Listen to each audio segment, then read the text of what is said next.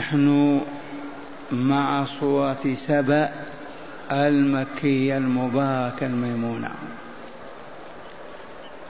هذه الصورة مكية وهي قول الله تعالى الحمد لله الذي له ما في السماوات وما في الأرض. وهي إحدى الصور الخمس المفتتحة بحمد الله تعالى. الأولى الفاتحة الحمد لله رب العالمين الرحمن الرحيم. الثانية الأنعام. الحمد لله الذي خلق السماوات والأرض وجعل الظلمات والنور. الثالثة الكهف. الحمد لله الذي أنزل على عبده الكتاب ولم يجعل له عوجا قيما. والرابعة هذه سبع. الحمد لله الذي له ما في السماوات وما في الأرض والخامسة الحمد لله فاطر السماوات والأرض بعد السبع مباشرة.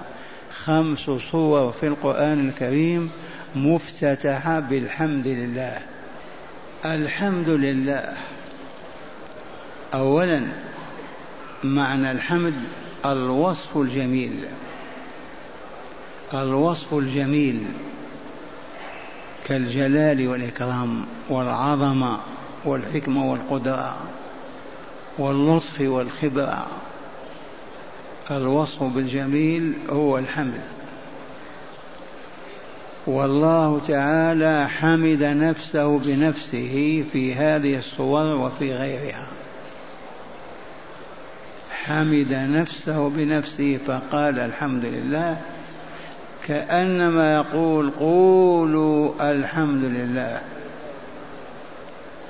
ثم ما حمد نفسه إلا وبين علة ذلك وسببه. فمن هنا لا يصح أن نحمد أو نمدح من ليس له ذلك بحقه. والدليل والبرهان كما سمعتم ما حمد تعالى نفسه إلا ذكر مقتضيات الحمد وموجباته. هيا مع الفاتحة. الحمد لله لما رب العالمين. الرحمن الرحيم. مالك يوم الدين. حمد نفسه ومجد نفسه. لماذا؟ لأنه صاحب هذه الكمالات. الحمد لله الذي خلق السماوات والأرض وجعل الظلمات والنور. حمد نفسه على هذا الفعل العظيم الجليل. الحمد لله الذي أنزل على عبده الكتاب. أنزل على عبده الكتاب ولم يجل له عوجا. فإنزال هذا القرآن العظيم بما فيه من علوم المعارف صاحبه يحمد عليه أي حمد. الحمد لله الذي له ما في السماوات وما في الأرض. الحمد لله فاطر السماوات والأرض. فهيا بنا نصغي نستمع هذه الآيات الثلاث أو الآيتين ثم نتدارسهما. أعوذ بالله من الشيطان الرجيم. بسم الله الرحمن الرحيم. الحمد لله الذي له ما في السماوات وما في الأرض وله الحمد في الآخرة وهو الحكيم الخبير. يعلم ما يلج في الأرض وما يخرج منها وما ينزل من السماء وما ينزل من السماء وما يعرج فيها وهو الرحيم الغفور معاشر المستمعين والمستمعات من المؤمنين والمؤمنات علمنا وعلمنا الله أنه لا يحمد لا يوصف بالجمال إلا من كان أهلا لذلك. وإلا أصبحنا كاذبين. فلا يحمد إلا من كان أهلا للحمد. وها هو ذا تعالى يحمد نفسه ويبين موجبات الحمد ومقتضياته. ومن أجل ذلك حمد نفسه وأمر عبيده بأن يحمدوه. فقال الحمد لله الذي له ما في السماوات وما في الأرض. خلقا وملكا وتصرفا. جميع من في السماوات من الملائكة والكواكب والأفلاك وكل المخلوقات في السماوات هي لله تعالى إذ هو خالقها فهو مالكها والمتصرف فيها. الأرض كذلك كل ما فيها من إنسان أو حيوان أو نباتات أو بحار كل ما في الأرض هي لله. كل ما في الأرض هو لله إذ هو خالقه وموجده والمتصرف فيه وليس لأحد مع الله في هذا شيء. فلهذا يحمد نفسه ويلزم عباده بحمده. وحمد الله فريضة كل مؤمن ومؤمنة. إذا الحمد لله الذي له ما في السماوات وما في الأرض وله الحمد في الآخرة. كما له الحمد في الدنيا له الحمد في الآخرة. إذ أهل الجنة ما إن ينعمون حتى يحمدوا الله عز وجل. تحيتهم فيها سلام وآخر دعواهم أن الحمد لله رب العالمين. إذا أكلوا إذا شربوا إذا لبسوا إذا تنعموا لا يفارقون كلمة الحمد لله الحمد لله الحمد لله.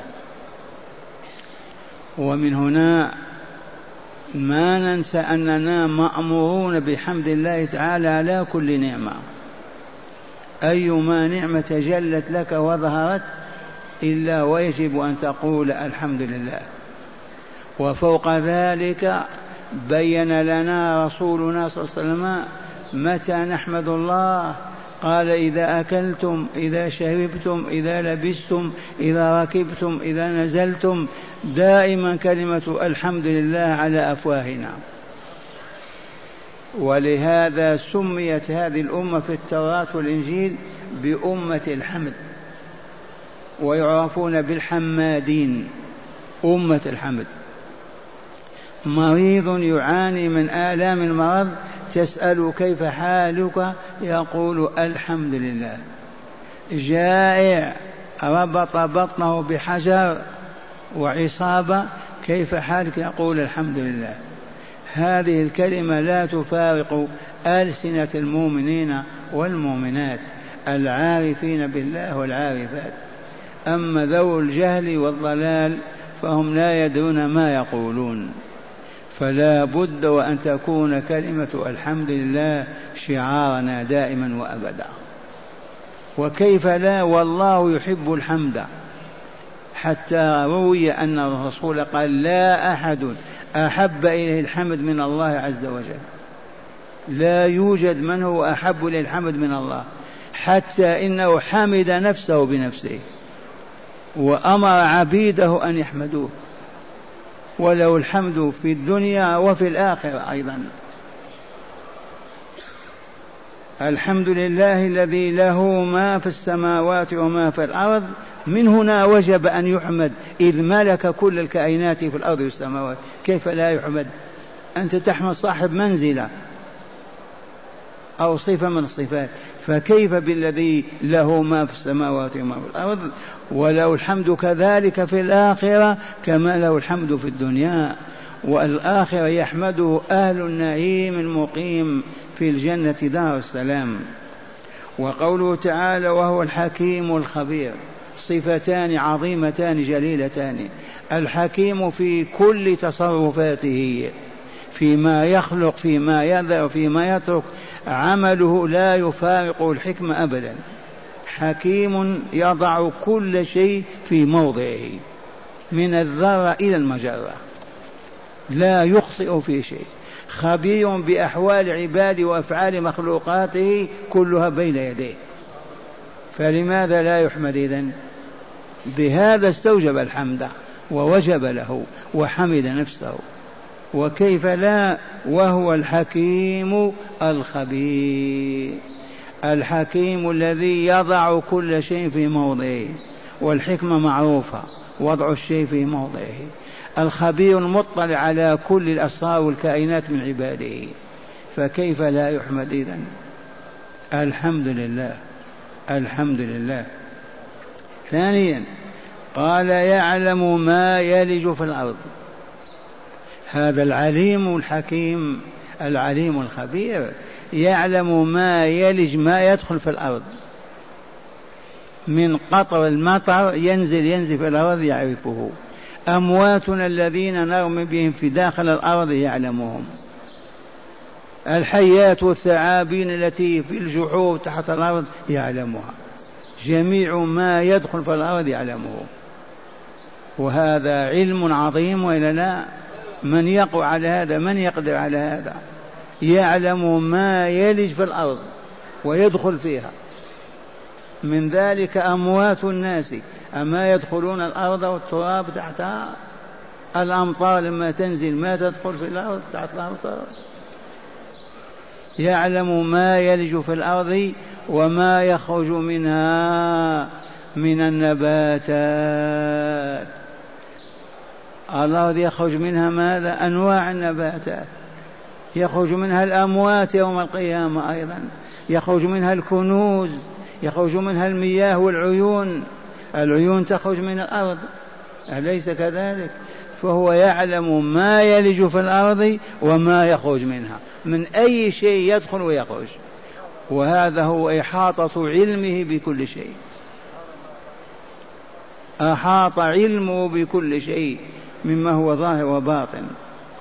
يعلم ما يلج في الأرض وما يخرج منها ويعلم أيضا ما ينزل من السماء من الملائكة من الأمطار من البركات والخيرات وما يعرج فيها من الملائكة والأعمال الصالحة كلها ترفع إلى الله عز وجل ويعرج بها إلى الملكوت العالم يعلم ما يلج في الأرض وما يخرج منها وما ينزل من السماء وما يعرج فيها. أعمالنا كلها تعرج للسماء الملائكة يعرجون يعرجون بها إلى السماء ويعرجون. وهو الرحيم الغفور. حمد نفسه لأنه رحيم غفور. الرحيم الذي يرحم عباده. والغفور الذي يغفر ذنوبهم ولا يواخذهم به إنهم تابوا إليه ورجعوا إليه. الرحيم الغفور. سبحانه لا إله إلا هو. ومن هنا أكرر القول معشر المستمعين والمستمعات. أولا ألا يحمد إلا من كان أهلا للحمد. فالذي يحمد ظالما فاسقا فاجرا بخيلا شحيحا أساء وظلم. فإن الذي يحمد ويمدح ويثنى عليه لا بد أن يكون أهلا لذلك. وإلا كنا كاذبين. وهذا الله ما حمد نفسه حتى بين لنا لماذا حمد. ما حمد نفسه حتى يقول لأجل كذا وكذا وكذا حمدت نفسي. ثانيا ما ننسى حمد الله ابدا في كل ظروفنا وأحوالنا وحايننا. وخاصة عندما بين الرسول الأماكن التي يحمد فيها الله عز وجل. ومنها كما علمنا عند الشرب فرغنا من الشراب نقول الحمد لله. فرغنا من الطعام نقول الحمد لله. ركبنا السيارة نقول بسم الله الحمد لله. لبسنا الثوب نقول الحمد لله الذي رزقنيه ولم ولو شاء لعراني وهكذا لا يفارقنا حمد الله أبدا. نسأل عن حالنا كيف نحن؟ نقول الحمد لله. الحمد لله. وهذا هو شعارنا وهذه صفتنا في الكتب السابقة. أمة الحمد والحمادون. نحن الحمادون لله عز وجل.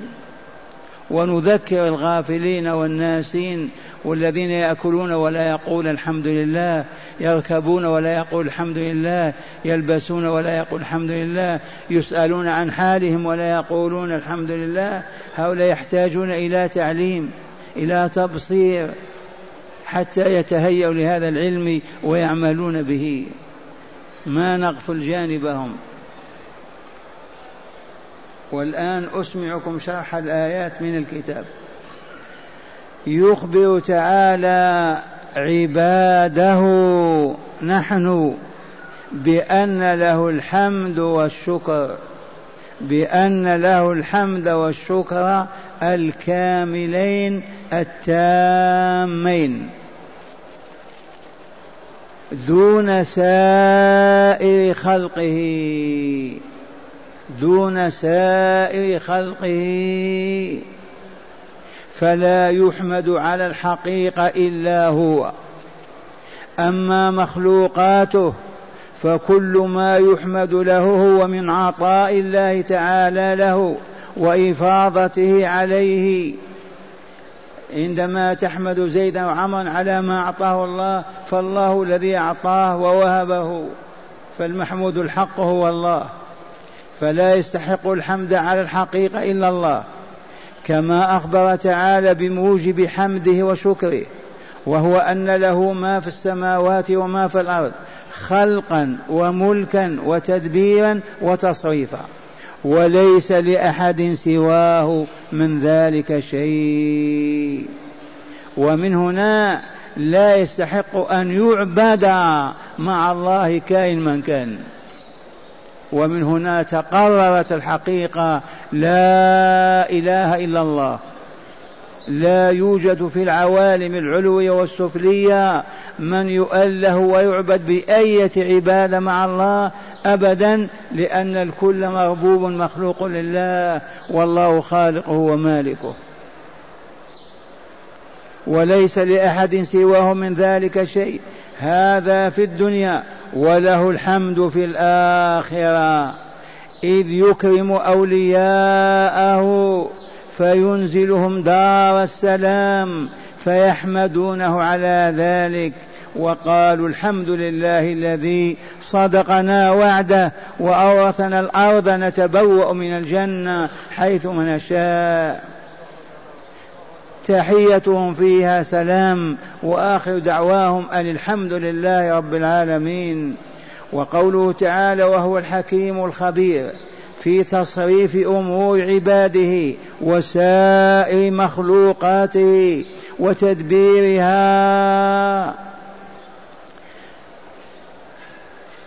الخبير بأحوالها العليم بصفاتها الظاهره والباطنه وقوله تعالى يعلم ما يلج أي ما يدخل في الأرض من مطر وكنوز وأموات. وما يخرج منها أي من الأرض من نبات ومعادن ومياه وعيون. وما ينزل من السماء من أمطار وملائكة وأرزاق. وما يعرج فيها أن يصعد من ملائكة وأعمال العباد. وهو مع هذه القدرة والجلال والكمال هو وحده الرحيم بعباده المؤمنين الغفور لذنوبهم. بهذه الصفات الثابتة للذات الإلهية من صفات جلال وكمال استحق الرب تعالى العبادة دون سواه. من أجل هذه الصفات استحق العبادة دون من سواه.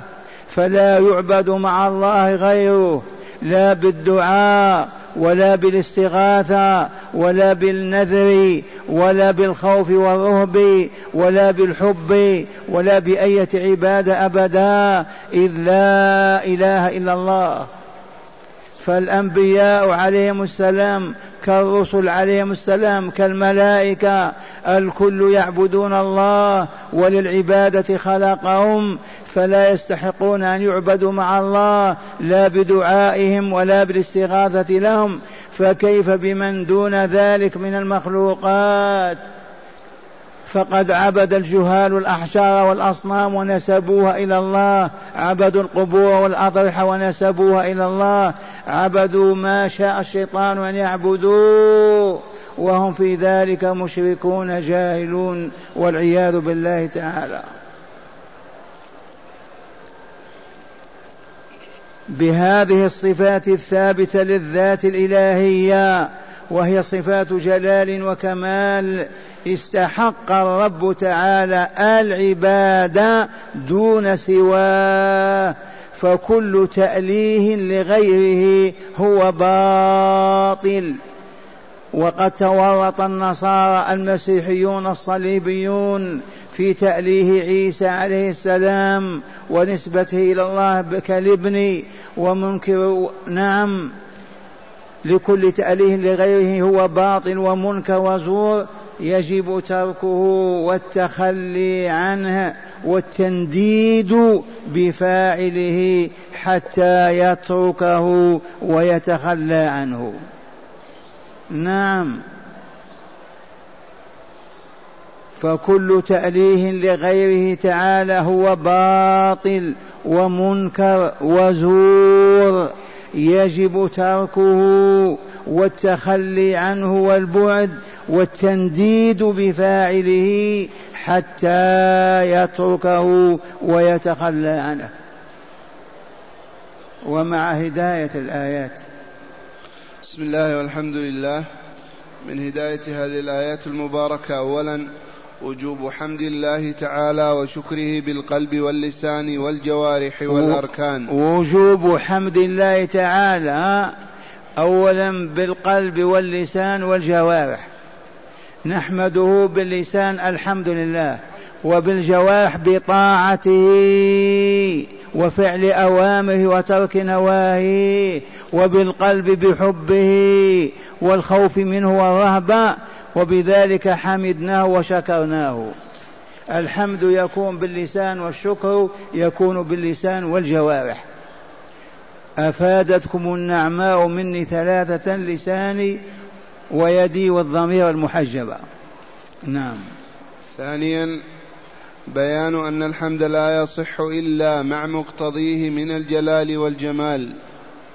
ثانيا أن الحمد لا يصح أبدا إلا إذا كان المحمود ذا جلال وجمال وكمال. وإلا كنا نكذب. نطلق على البشع الخلق نقول جمال. جميل ليس بجميل. لا بد من الصدق. نعم. ثالثا لا يحمد في الآخرة كيف إلا الله. عرفنا هذا؟ لأن الله ما حمد نفسه إلا ذكر موجب الحمد. خمس صور سمعناها وإلا لا؟ ما يقول الحمد لله إلا قال لكذا وكذا. فلا يحمد محمود إلا إذا كان له ما يوجب الحمد ويقتضيه. والحمد المطلق لله وحده. نعم. ثالثا لا يحمد في الآخرة إلا الله سبحانه وتعالى. لا يحمد في الآخرة إلا الله. فقط من يحمد أهل النار أهل العذاب والشقاء والخسران لا يحمده أهل الجنة دار النعيم. جعلنا الله منهم وألحقنا بهم مسلمين. هم الذين إذا أكلوا إذا شربوا إذا لبسوا إذا تنعموا في رياض الجنة يحمدون الله عز وجل. أما أهل النار لا يحمدون لأنهم في عذاب وشقاء. رابعا بيان علم الله تعالى بالظواهر والبواطن في كل خلقه. هذه الحقيقة. اعلموا يرحمكم الله أن أعمالنا الظاهرة والباطنة كلها معلومة لله. ما هناك ما تستطيع أن تخفيه عن الله. حتى في قلبك والله ما تستطيع. هو العليم بكل الكائنات ظواهر وبواطنها على حد سواء. لما لأنه خالقها. الذي يصنع الشيء ما يعلم ظاهر وباطنه يعلم أو لا يعلم. الذي يصنع شيء في يده عرفه. فالله صنع كل شيء وخلقه. كيف يخفى عنه شيء منه؟ وأخيرا تقرير توحيد الله تعالى في ربوبيته وألوهيته. تقرير توحيد الله في ربوبيته وألوهيته. عباد الله لا رب إلا الله. لا خالق ولا رازق ولا مدبر للخلق إلا هو. ولا يعبد على الحقيقة إلا هو. فلا رب سواه ولا إله يعبد سواه. وهذه الآيات قررت ذلك. بل وكل الكون يشهد أنه لا إله إلا الله فلا يعبد إلا الله. فمن عبدوا الشهوات والفروج والأطماع والدينا والدرهم عبدوا القبور وعبدوا الأولياء وعبدوا الصالحين ذلك لجهلهم واستيلاء الشياطين عليهم. فصرفتهم عن الحق وأبعدتهم عنه ورمت بهم في الضلال والجهل والشرك والكفر. نظروا إلى الله منهم ونعوذ بالله من صنيعهم.